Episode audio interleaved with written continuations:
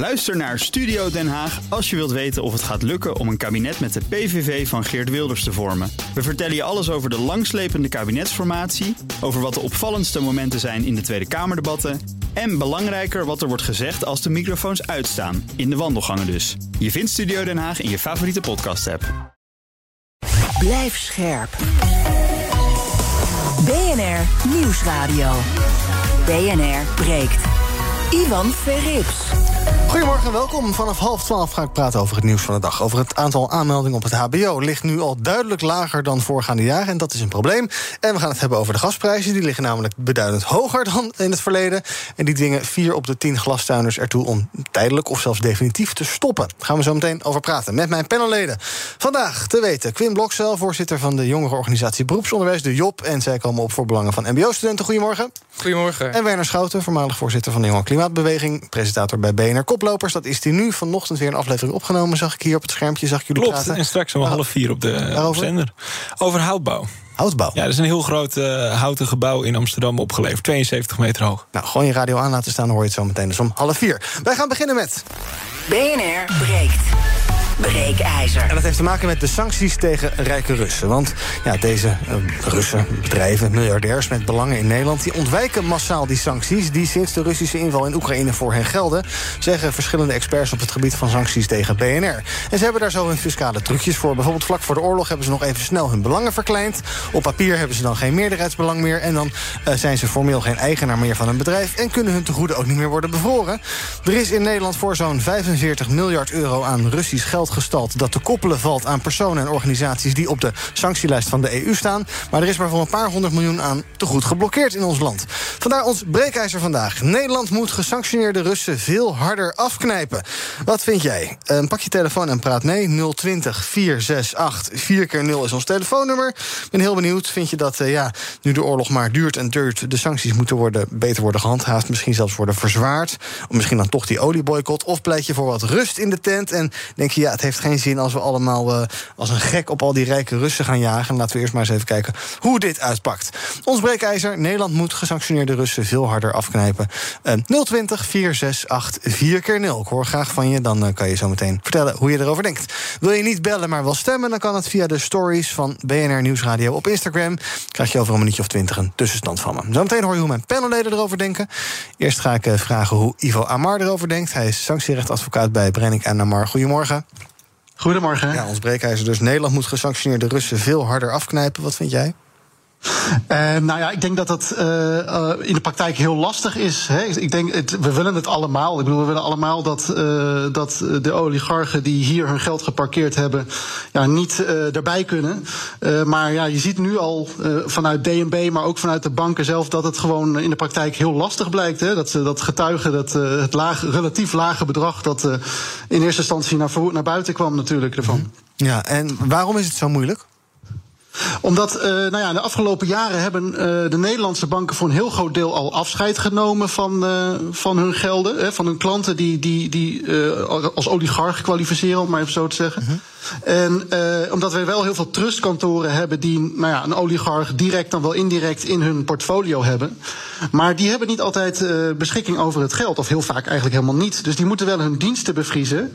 Maar die, moet, die hebben geen geld om te bevriezen. En dat maakt het dus heel lastig om dan bij dat geld te komen. En dat geld staat vaak in, eh, ja, in, in in buitenland, bij de, de, de Maagde- Maagde-eilanden, dat soort landen. Ja, want die bedragen die we dan hoorden in het FD bijvoorbeeld... Hè, eerst die 80 miljard en dan 45 miljard terug te leiden... Tot, tot die Russen die op die zwarte lijst staan. Nederland heeft 200 miljoen aan Russisch tegoed geblokkeerd. Hoe, hoe, hoe ziet dat pre- precies eruit? Waar bestaat die eh, 45 miljard uit, grofweg? Ehm, nou ja, uit allerlei eh, varianten. Hè. We hebben, er zijn pensioenfondsen die hebben meldingen gedaan. Eh, er zijn eh, investeringsmaatschappijen die hebben meldingen gedaan. Er zijn uiteraard heel veel trustkantoren die meldingen hebben gedaan. En banken. Dus het, je, moet, je moet echt aan allerlei varianten denken. Dus bankrekeningen tot bedrijven die zijn bevroren, om het maar zo te zeggen. Eh, en, en pensioengelden, gek genoeg ook. Dus kennelijk hebben er ook oligarchen gewerkt in Nederland. Ja, en dan is die 200 miljoen dus wel een beetje een lachertje, toch? Ja, ja, ja. nou ja, goed. Eh, ja, het is, het is relatief weinig, absoluut. Ja, Oké, ja. jij zegt dus wel eh, harder afknijpen... of althans be- be- beter blokkeren, om het maar even wat eh, formeler te zeggen. Dat zou wel moeten, maar is dus heel lastig. Ik praat zo met je verder. Kort rondje in mijn panel, kijken hoe mijn panelleden erover denken. Quinn, wat vind jij? Ja, verder afknijpen. Als het inderdaad in de praktijk ontzettend moeilijk is, dan, uh, ja, dan weet je ook niet zo goed wat je kan doen, omdat de opties dan een beetje gering zijn. Um, maar alsnog, ik denk als je dat niet doet, dat ze dan wel doorgaan en niet echt een druk meer voelen. Dus ik denk dat druk opvoeren altijd wel goed is met dit soort dingen. Dus ja, ik zou, zou zeggen, op zoek gaan naar andere mogelijkheden, ook al zijn die misschien er niet echt. Ja, doen wat je kan dus in ieder geval en niet verslappen daarin. Ja, anders uh, geef je eigenlijk op. Ja. Werner, wat vind jij?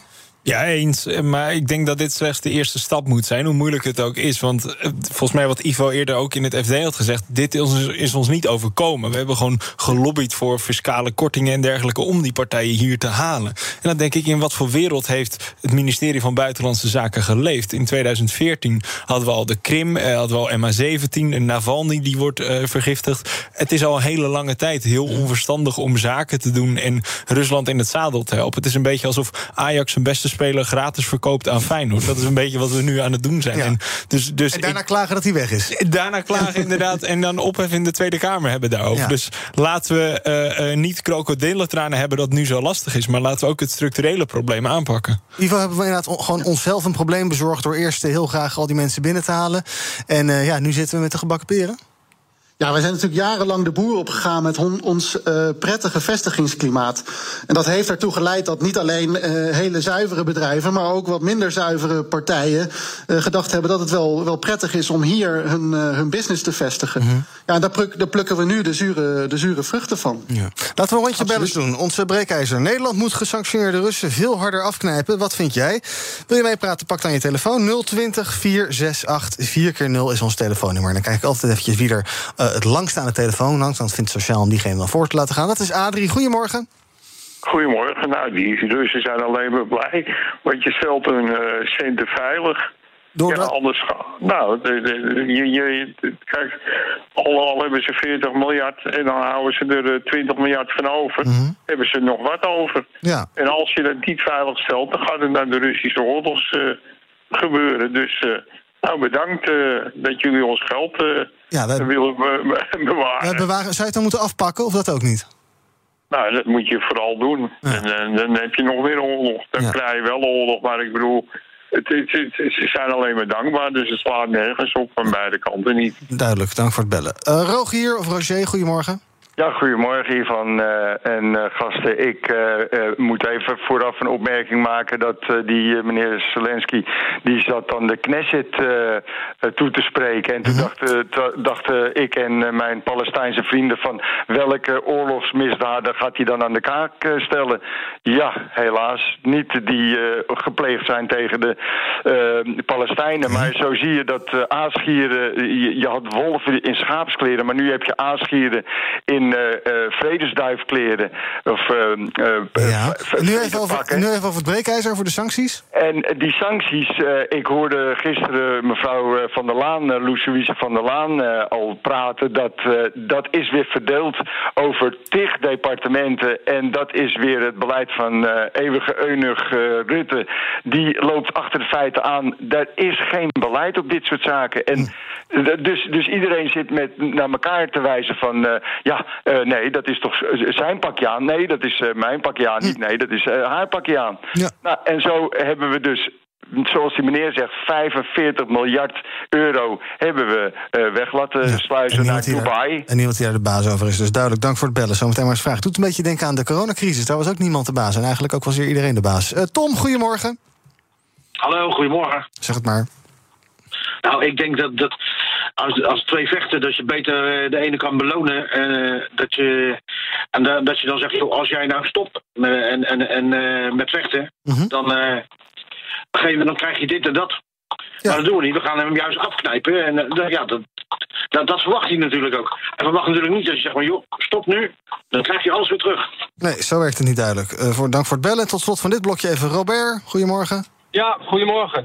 Nou, ik vind, uh, kijk, dat ze het aanpakken, want ze, ze maken hier misbruik van de belastingvoordelen en dan uh, lopen wij dat mis. Maar ik vind, als Nederland dat doet, omdat ze altijd hoog van de toren blazen, we gaan dit aanpakken en dat gaan doen. En net wat die ene man daarvoor ook zei, zorg gewoon dat je dus op tijd je bed uitkomt en doe je huiswerk en gaat niet verwijten, verwijten, want doe gewoon even goed je werk. En niet, oh ja, shit, we hebben dat fout gedaan. Ja. Je kunt het wel hoog van de toren blazen, maar doe het dan ook. En, en maak je eigen eens waar. En, en eh, ze doen dat wel bij de, bijvoorbeeld de mensen die nu met de belastingaffaire, die mensen die naar de kloten gaan, die hebben ze wel hard aangepakt. En dat andere niet. Dus weet je, ehm, het zal wel de goede bedoelingen zijn wat ze nu zeggen, maar doe het dan ook goed. En pak dan wel de juiste mensen en niet onterecht die andere mensen die nog steeds in de kou staan. Weet je wel? Dus dat vind ik gewoon. eh, aanpakken, oké, dat mag. Want eh, ja, ze maken hier misbruik van ons belastingstelsel. En eh, ze ver- verdoezelen weer dingen. En dan moet Nederland gewoon even ja, vroeger opstaan en iets eerder eh, aan je huiswerk beginnen. Duidelijk, dank voor het bellen, Robert.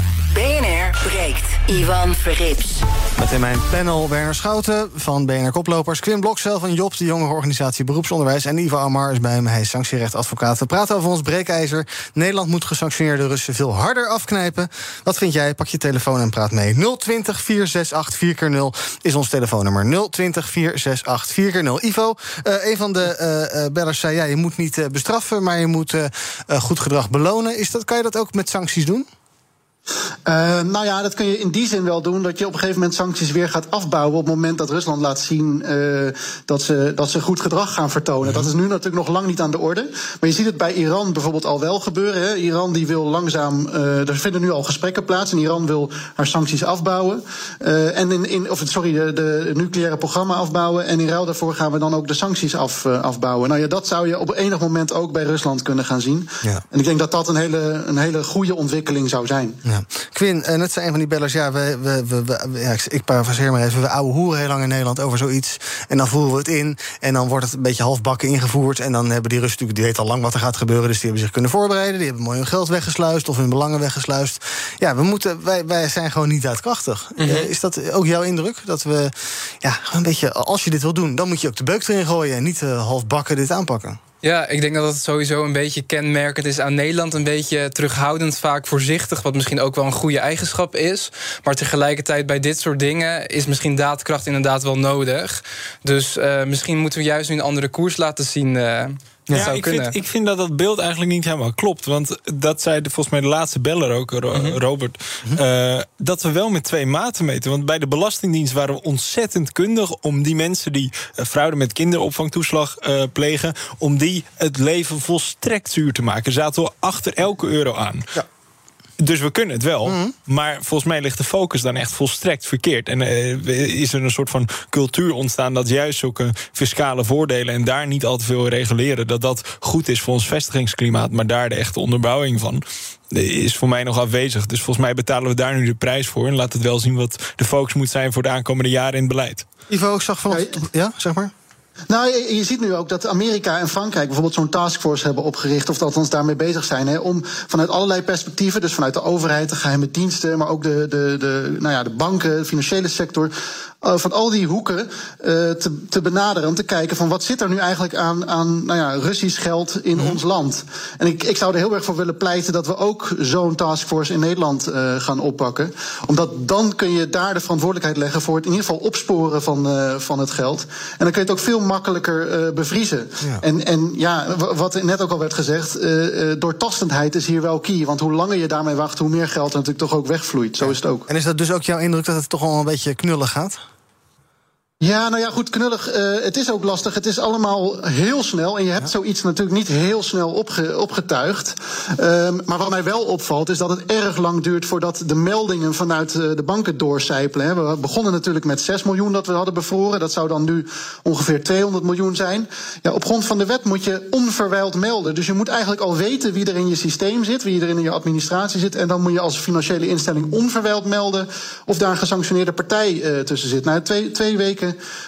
wachten, ik- dat is niet meer onverwijld. Dus daar is absoluut wel iets misgegaan. Dat, dat kan niet anders. Intussen, eh, vanochtend op eh, nu.nl, daar las ik eh, dat de Nederlandse maritieme sector, maar ook de Rotterdamse haven, de winkelstraten, dat die natuurlijk veel last hebben. Ja, ook zij van de oorlog in Oekraïne en de sancties tegen Rusland. Eh, natuurlijk eh, totaal niet, dat zeg ik er maar even bij, te vergelijken met hoe ze in Oekraïne daarmee te maken hebben. Maar ja, de economische gevolgen zijn ook hier, leidt ook tot steeds grotere zorgen bij ondernemers. Quint, vind je dat we daar rekening mee moeten houden met eh, ja, ook eh, eh, ondernemers hier en eh, inderdaad de haven, welke gevolgen, welke gevolgen die sancties voor hen hebben? Of is dat even bijzaak en eh, ja, jammer maar helaas? Um, nou ja, sowieso de sancties die raken natuurlijk bijna iedereen. Eigenlijk gewoon iedereen. Er zijn, ik las ook inderdaad dat mensen hier die hier wonen en familie hebben in Rusland, die ook hartstikke geraakt worden doordat ze bijvoorbeeld medicijnen niet meer kunnen leveren. Dus um, het is sowieso echt iets wat iedereen raakt en daar moet je ook rekening mee houden. Dus dat vind ik niet een, uh, iets voor de zijlijn. Nee, dus misschien moet je daar wel weer steunpakketten voor gaan oprichten. We, we hebben nog ja, laten we niet in die kramp direct gaan schieten. Nee, niet? Dan kan je alles op een gegeven moment ja? compenseren. Maar goed, dat zijn we toch ook ongeveer mee bezig als een soort over, ja, overgeregeld landje. Ja, het is ook bizar dat we zoveel geld uitgeven aan bijvoorbeeld het compenseren van de energiebelasting. Uh-huh. Wat ook nog bij heel veel hoge inkomens terechtkomt. Uh, dus uh, laten we niet in die kram schieten wat een soort van coronareflex is geworden. Uh, maar ik vind het wel goed om, om maatwerk voor bepaalde sectoren misschien uh, te, te, organiseren. Maar ik pul ik toch wel een paar miljard bij los. Gaat wel lukken. Nog een paar bellers aan het woord laten. Kijken hoe ze reageren. Gaan we het zo meteen nog even hebben over het, het, het O-woord, olie. Of dat dan de volgende stap zou moeten zijn in die sancties. Nederland moet gesanctioneerde Russen veel harder afknijpen. Ons telefoonnummer is 020 468 4 keer 0 Even kijken wat onze luisteraars vinden. Steven of Steven, goedemorgen. Ja, goedemorgen. Ik uh, ben het er helemaal mee eens. Ik vind alleen dat we wel heel goed moeten opletten dat we de juiste afknijpen. En uh, laten we die uh, Oekraïners die hier zo van huis en aard we hier opvangen, laten we die lekker pleziertoertjes laten varen met die megajachten van die Russen. Dan hebben ze in ieder geval nog een leuke vakantie. Ja. En, uh, en laten we vooral onszelf beloven dat we nooit meer zaken met die Russen. Met de nadruk op nooit. Dank voor het bellen. Arend, goedemorgen. Goeiedag. Zeg het maar. Ik ben het uh, niet eens dat uh, de Russische burgers aangepakt worden hier in Nederland. De, eigenlijk eigenlijk ja, werken die sancties alleen maar in ons eigen nadeel. Hoe meer sancties wij Rusland opleggen, hoe meer ja, al meer gas en olie er van ons wordt stopgezet. En ja. dat, gaat, ja, dat gaat Rusland gewoon met India en met China daar verder. Mm -hmm. Dus dat, dat, heeft helemaal geen zin. Dus zeg je... en, eigenlijk, ja? en eigenlijk ben ik helemaal tegen de sancties. -huh. Want, want in 1990 werd de Sovjet beloofd dat de NAVO geen centimeter meer naar het oosten toe zou gaan. Ondertussen zijn we zijn we 30 jaar verder en zijn ze 14 landen dichter naar Rusland gegaan. Hm. Niet alleen met hun verdedigingswapens, maar ook met hun aanvalswapens. Ja. Maar hoe, zou je hoe, zou je hoe vind je dan dat de wereld moet reageren op uh, een land dat een ander land binnenvalt? Nou, uh, wat gebeurde er in 1962? Toen kwam Rusland met zijn met zijn nucleaire wapens mm -hmm. Cuba. En wat zei Amerika toen? Jullie komen te dichtbij. Mm. Weg. En toen was er bijna een atoomoorlog. Ja. En nu heeft Rusland al 14 jaar gezegd... Oekraïne is de grens. Jullie komen niet dichterbij met de NAVO. En toch... Ja, maar dat zijn de landen zelf. Dat is, een land zelf kan toch beslissen of die onderdeel van de NAVO wil worden. Dat is helemaal niet aan een ander land om te zeggen... dat een land niet uh, officieel voor lange tijd bij de nou, NAVO mag lopen. dat dat wel een eis van Rusland is nu. En als ze dat, uh, niet, als ze dat niet doen, dan blijven ze gewoon de boel ja, doorbombarderen. Dat is de soevereiniteit van zo'n eiland. Nou, ik geloof dat Zelensky inmiddels heeft uh, laten weten dat er over te praten is. Okay. Over die ijs. Uh, tot slot van dit blokje, wie hebben wij nog niet gesproken? Even kijken, meneer De Slager, goedemorgen. Allemaal mannen weer. Dan bellen er geen vrouwen. Allemaal mannen. Ja. Ik zou eigenlijk, ik ben het eens met de stelling. Mm -hmm. Ik zou het nog beter zeggen. Ik zou zelfs de voetbalclubs en de eigendommen toch allemaal confisceren en gewoon teruggeven aan, uh, aan de andere mensen. Want ja, de Russen doen dat op dit moment. Dat heeft Poetin gezegd. Hij wordt dat ook met uh, McDonald's en met de fabrieken doen in Rusland. Mm -hmm. Internationale bedrijven. Dus uh, waarom wij hier niet? Duidelijk. Dank voor het bellen, meneer Slager. Tot slot van dit half uur wil ik dus nog even hebben over olie. Uh, Reuters meldt vanochtend dat Europese landen in navolging van het VK en de VS een boycott op Russische olie zouden overwegen. Melden anonieme, ik geloof diplomatieke bronnen aan Reuters dus. Um, Ivo, zouden we dat moeten doen? Is, het, uh, is dat een uh, goede volgende stap mocht de boel daar verder escaleren?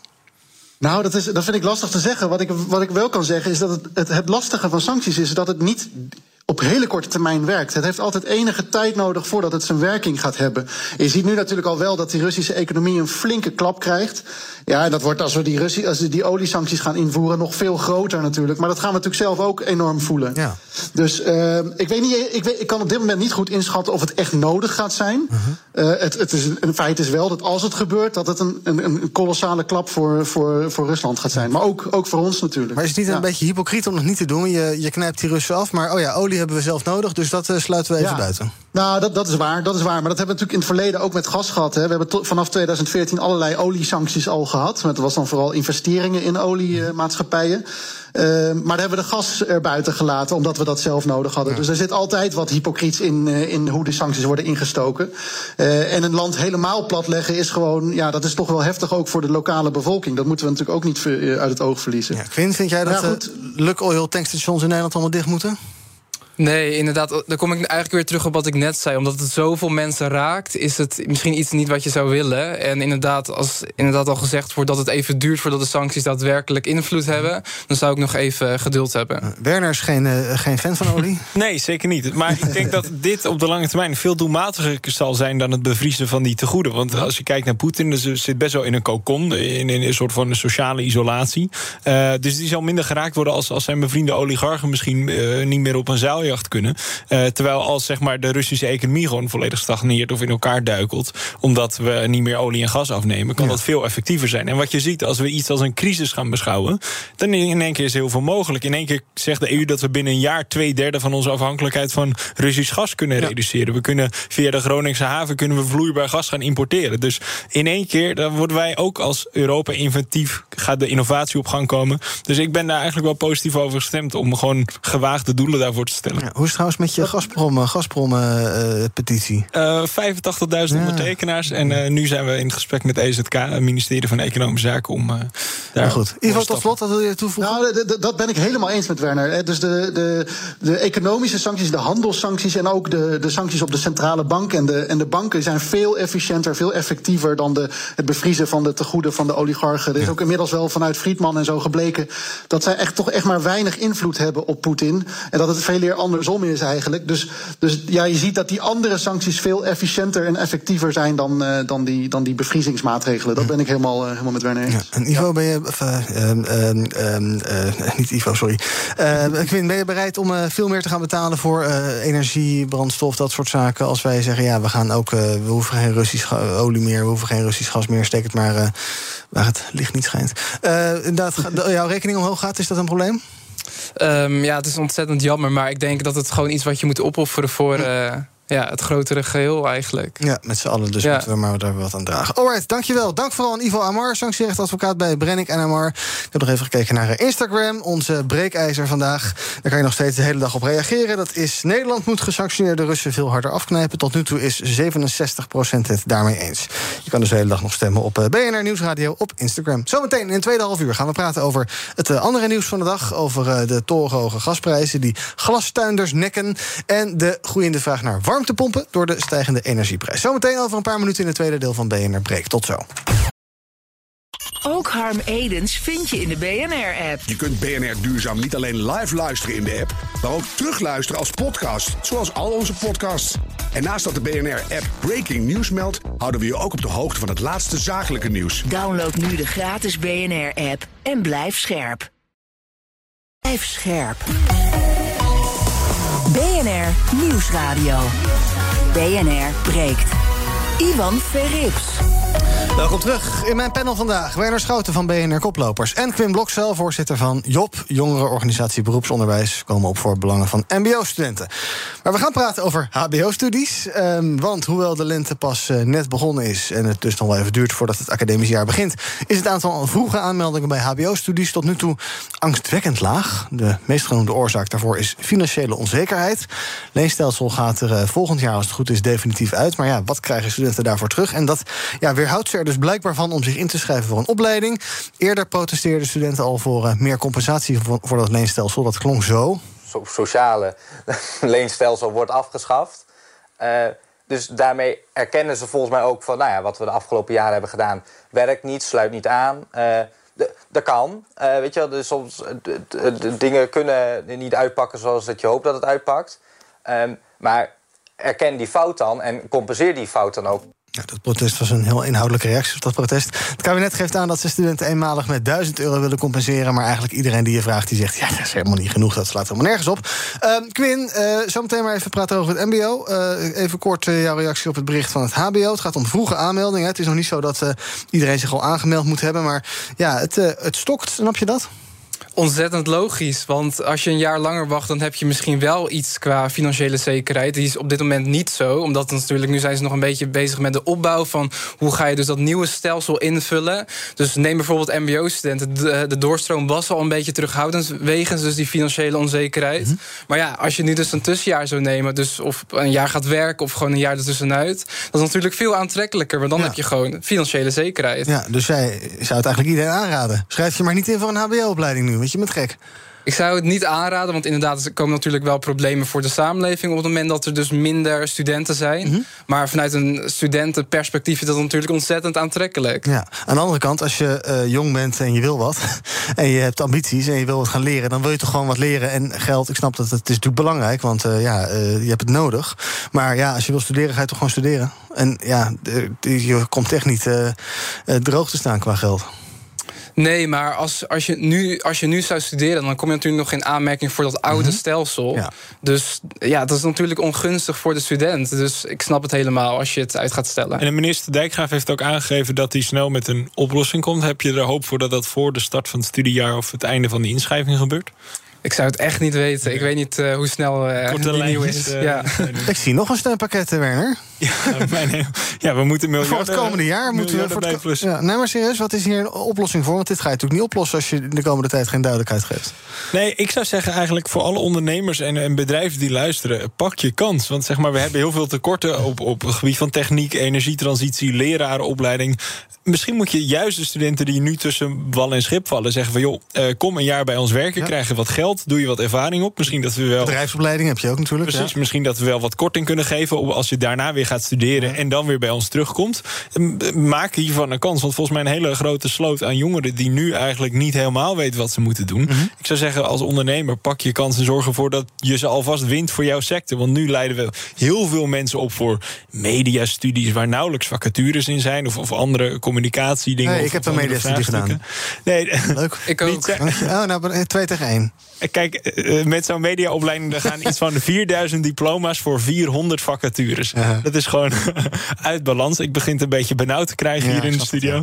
Eh, nee, maar dus dan is het heel tactisch om mensen nu al een beetje te enthousiasmeren voor andere sectoren waar mensen nu keihard nodig zijn. Welke opleiding heb jij gedaan? Mede en redactie ook, ja. leuk? Of nog steeds. Derde jaar. Leuk? Ja. Het gaat er vooral om eh, de lerarenopleidingen waar de cijfers achterblijven. 10% minder. En ook de opleidingen op het gebied van gezondheidszorg, daar 5% minder. Dat zijn toevallig net eh, de vakken waar we toch al tekort hadden. Dus wat doen? Dit extra stimuleren op een of andere manier? Dat mensen toch maar iets gaan doen het komende jaar? Ja.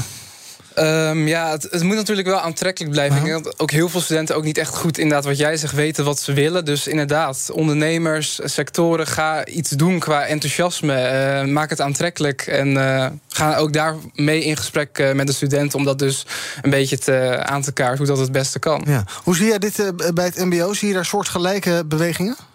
Qua tekorten? Eh, Qua eh, terughoudendheid om aan te melden voor opleidingen? Of is het daar heel anders? Ehm, is iets anders, denk ik, omdat je bij ons natuurlijk wel gewoon een aanvullende Mhm. beurs krijgt. En het is iets beter geregeld qua financiën. Dus bij ons is dat, denk ik, niet echt een drempel. Ehm, eh, en eh, ja, eh, lekker gaan werken. Dus als je dan toch denkt, ik wacht maar eventjes. Ben je, het eens met de oproep van Werner? Bedrijven, pak je kans en bind deze mensen aan je. En dan niet om ze maar lekker hard te laten werken tegen een of ander hongerloon... maar om ze ook op te leiden en ervoor te zorgen dat je nou ja, goed dat jaar doorkomt. Ja, stimuleren tot een bepaalde hoogte kan altijd. Ja. We gaan het hebben over eh, de glastuinders. 40% 4 op de 10 glastuinders dreigt kopje onder te gaan. Vanwege de hoge gasprijzen voelt bijna de helft van de bedrijven zich gedwongen om de pro- productie tijdelijk, maar soms ook definitief stop te zetten. Zegt eh, onder andere eh, Adrie, Adrie Bom-Lemstra. Zij is van Glastuinbouw Nederland, dus zij luidde de noodklok. Daar is hij alweer. Ehm, ja, die sector die dreigt dan dus helemaal om te vallen. En dat komt natuurlijk door die hoge gasprijzen. Werner, ik weet. Ik voel nog een steunpakket aankomen. ik voel nog een steunpakket aan. We trekken miljarden uit de kas gast in dit uurtje radio, een duur uurtje. Um, ja, ik, ja, gas, ik zei het al. Uh, uh, fossiele brandstoffen, sky high. Fossiele brandstoffen ben je niet echt een vriend van. Maar ja, dit is wel verdrietig dat deze mensen, de, deze bedrijven eronder lijden. Nou, het is buitengewoon verdrietig, inderdaad. zij zijn natuurlijk daar ontzettend afhankelijk van. Het is ene kant natuurlijk ook een stimulans om te verduurzamen. Maar als je de cent überhaupt niet hebt om zo'n nieuwe installatie te kopen, mhm. dan uh, koop je daar vrij weinig voor. Dan moet je nu gewoon op de bladen zitten. Dus dat is wel lastig. Ja, als je kijkt naar wat het perspectief is enerzijds, het is, het is geen vitale sector. Het is toch, als het gaat over sierteelt, hè, tomaten, paprika's, et cetera, dat moet zeker blijven draaien. Maar als het gaat over sierteelt, is het toch een soort van luxe product. Dus ik weet niet of je daarvan alles uh, uh, in, de, in de lucht moet houden. Um, dus, dus ik denk niet dat je een soort van heel royaal moet gaan, moet gaan compenseren.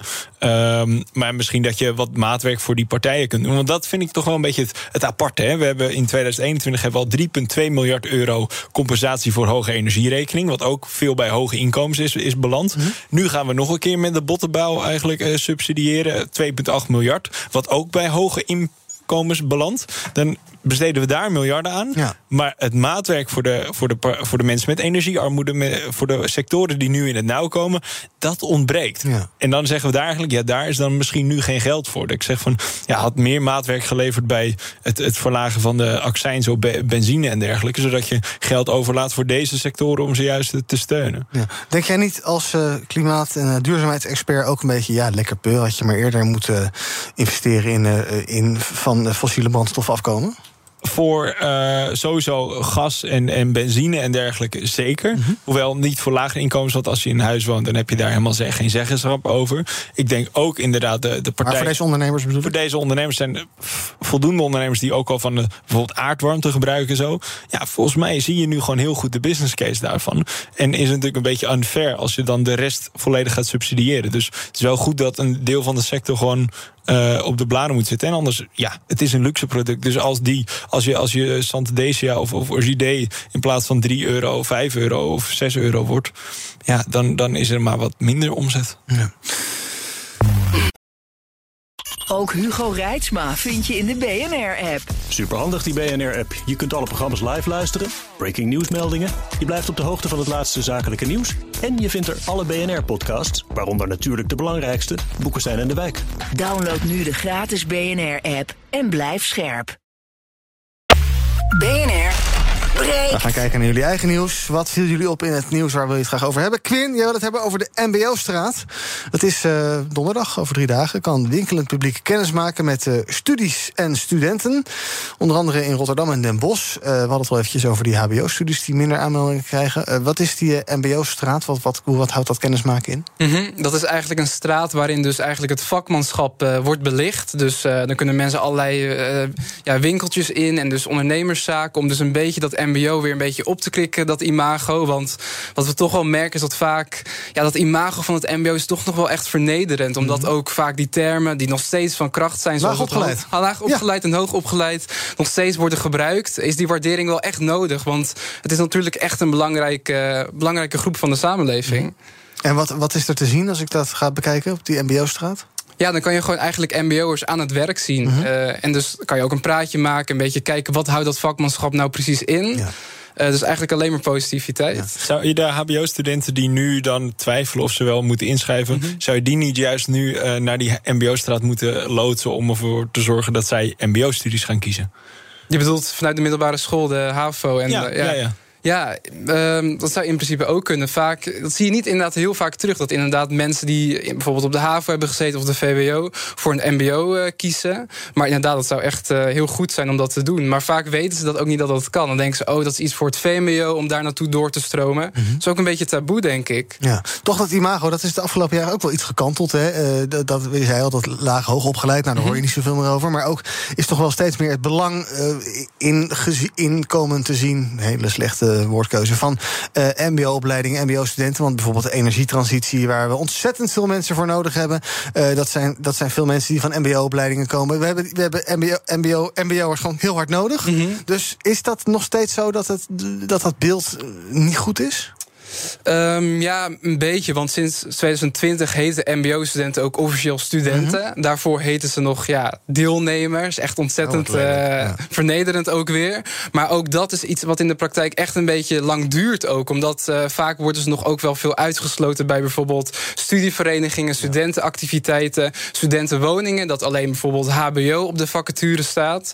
Um, dus dat is ook wel iets wat echt langer termijn uh, nodig is om dat een beetje op te krikken. Hoe is dit in andere landen? Ik heb wel eens gehoord dat namelijk in het Verenigd Koninkrijk dit veel minder speelt. Mm -hmm. Omdat daar met veel meer respect voor elk opleidingsniveau wordt omgegaan. Zie je dat ook zo? Of? Ja, ik heb ook laatst iemand gesproken uit Duitsland. En daar inderdaad is het meer van. Dan liggen die, of als je het al niveaus kan noemen, naast elkaar. Mm -hmm. En bij ons is het echt zo'n zo'n treden, ja. weet je wel. Van laag, hoog en dan steeds iets hoger. Uh, dus dat is echt iets, ja, een heel, heel cultuur, hele cultuur die wij hier hebben. Ja. ja. Wie, is, wie is de doelgroep voor die MBO-straat? Zijn er bijvoorbeeld ook ondernemers die uh, nou, mensen nodig hebben en eens willen kijken van goh, wat, wat is er allemaal qua aanbod? Mm -hmm. Ja, het is eigenlijk voor iedereen ja. uh, beschikbaar. Ja, voor iedereen Mooi. die daar belang uh, denkt bij te hebben. Ja. Mooi. Nou, ben benieuwd. Uh, Rotterdam en Den Bosch, dus waar, waar, waar, kan ik meer informatie vinden? Um, het staat ook op de mbotoday.nl. mbotoday.nl, ja. bijna goed gegokt. Um, dan gaan we kijken, Werner. Je wilde het hebben over de groeiende vraag naar warmtepompen. Natuurlijk door de stijgende energieprijs.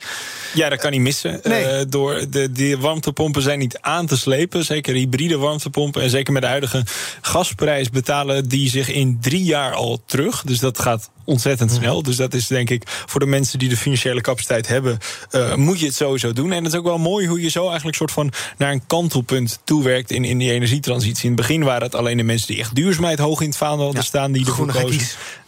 ja, zo noem jij ze. Etenwolle sokken. Ja. Precies, die mensen.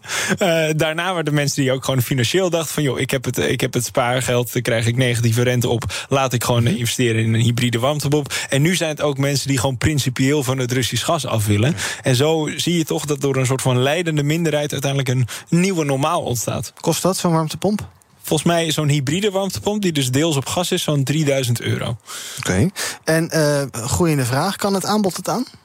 Nee, dat is dus wel een, een, een, issue. Dat zeg maar een aantal onderdelen komen ook uit Oekraïne. Dus dat maakt het helemaal moeilijk. Maar Gelukkig niet uit Rusland. Het is, het is alleen maar goed dat zeg maar, die bottleneck opschuift in de, in de supply chain. Want als er maar genoeg vraag is, dan wordt dat vanzelf wel, uh, gaat dat vanzelf wel omhoog. En dan zorgen we ervoor dat we gewoon over een aantal jaren gewoon heel goed uh, ja, apparaat hebben staan. Waarbij we grootschalig huizen van het gas af kunnen ja. halen. Um, moet er meer gebeuren om die warmtepompen onder de aandacht te krijgen? Of zo? Of om die, die mainstreamer te maken? Of gaat dat inderdaad. Gaat nou, het er zijn er best wel wat subsidies voor. En er zijn ook heel veel gemeentes die allemaal leningen uh, zonder rente hebben. die je dus kunt aannemen om zeg maar, die warmtepomp zelf te installeren. Ik denk het belangrijkste is juist. zelf installeren? Oh, laten installeren. Laten installeren. Door ja. iemand uit de MBO-straat. Inderdaad. Ja. ja, dus dat, is, dat hebben we allemaal met elkaar nodig.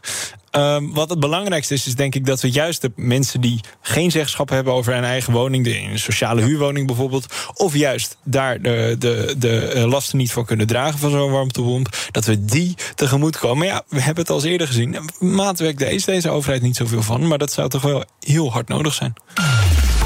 Gaan wij tot slot van deze uitzending nog even kijken wat er trending is op de socials. Veel twitteraars zijn verbijsterd over de wedstrijd Ajax-Feyenoord.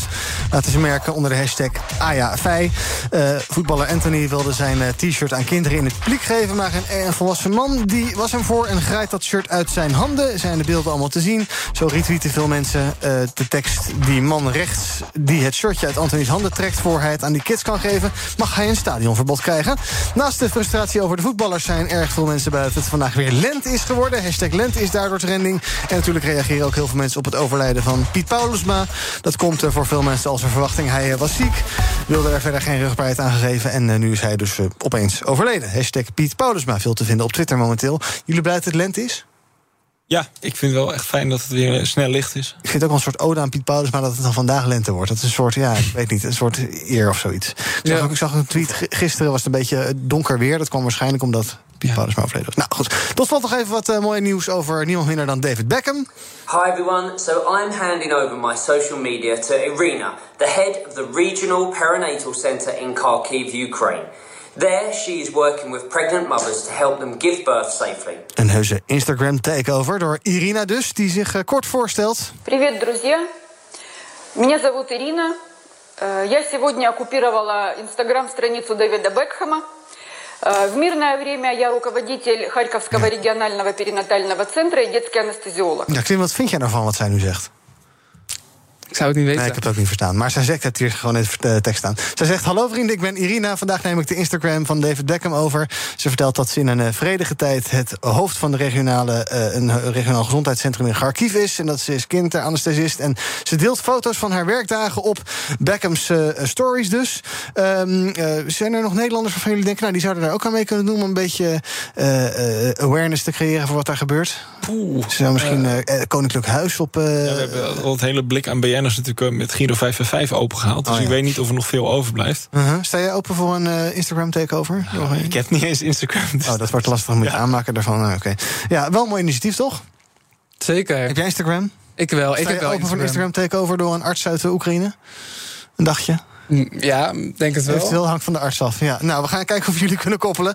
Eh, te volgen dus eh, via David Beckham op Instagram. Kan je de verhalen van eh, Irina en wat ze allemaal meemaakt zien. Maar het is wel bijzonder dat deze man, die toch heel wat volgers heeft, dit een dag, geloof ik, ja, een dag doet. Ehm, David Beckham, je vindt hem op Instagram. Dank ehm, voor jullie aanwezigheid vandaag bij BNR Breekt, Werner en Quinn.